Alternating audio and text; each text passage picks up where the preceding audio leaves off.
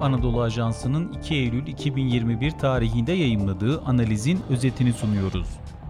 Almanya'da siyasal katılım düşüyor, siyaset dönüşüyor. Yazan Muhammed Ali Uçar, seslendiren Sefa Şengül. Demokratik sistemlerin en önemli unsuru olan siyasi partilerin başarısı birçok faktöre bağlıdır. Özellikle seçim sathına girildiğinde partilerin insan kaynağını oluşturan üyeler merkezi öneme sahiptir. Üyeler idari ve organizasyonel görevleri yerine getirir ve partinin faaliyetlerine ve kampanyalarına yardım etmek için gönüllülük esasıyla çalışır. Parti adaylarını destekler ve partiye bağışta bulunarak parti faaliyetlerinin daha geniş kitlelere ulaşmasına yardımcı olur. Parti üyelerinin oynadığı bu kritik role rağmen Avrupa'da parti üyeliği son 40 yılda önemli ölçüde düşüşte. Günümüzde 27 Avrupa demokrasisinde seçmenlerin sadece %4,65'i bir partinin üyesi. En önemli düşüşlerden biri ise 26 Eylül'de federal seçimlere giden Almanya'da gerçekleşiyor.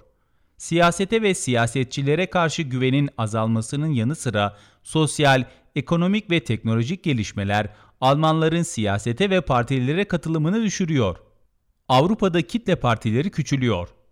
Demokrasinin en önemli unsurları bireylerin yönetime aktif katılımını, sistemin işlemesine katkıda bulunabilmelerini, seçme ve seçilme hakkını sağlamasıdır. Bu yönüyle yönetime entegre olmuş bireyler iktidarı ve sosyal düzeni meşrulaştırır. Bireylerin demokrasilerde bu işlevleri yerine getirebilmelerini sağlayan en başlıca kurumsa siyasi partilerdir. Bireylerin siyaset içinde aktif olmasındaki en temel faktörse bir partiye mensup olmaktır. Parti üyeliği bireylerin bir siyasi partiye örgütsel bağlılığını sağlar ve üyelere yükümlülükler ve ayrıcalıklar tanır.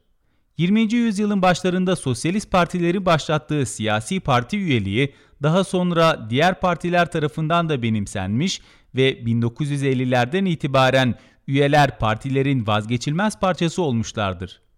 İkinci Dünya Savaşı'ndan sonra tekrar demokratik sisteme geçen Almanya'da siyasi parti üyeliği popüler olmuş ve 1980'lere kadar zirveye çıkmıştır ancak 1980'lerden itibaren düşüşe geçmiştir. Statista'nın verilerine göre günümüzde Almanya'da yaklaşık 1.2 milyon seçmen bir siyasi partinin üyesi. 1990'larda tek başına Hristiyan Demokrat Parti'nin 1 milyonun üstünde üyesi olduğu göz önüne alındığında Almanya'da siyasi parti üyelerinin hızla partilerden ayrıldıkları görülüyor. Alternatif partiler ve alternatif platformlar siyasi katılımı dönüştürüyor.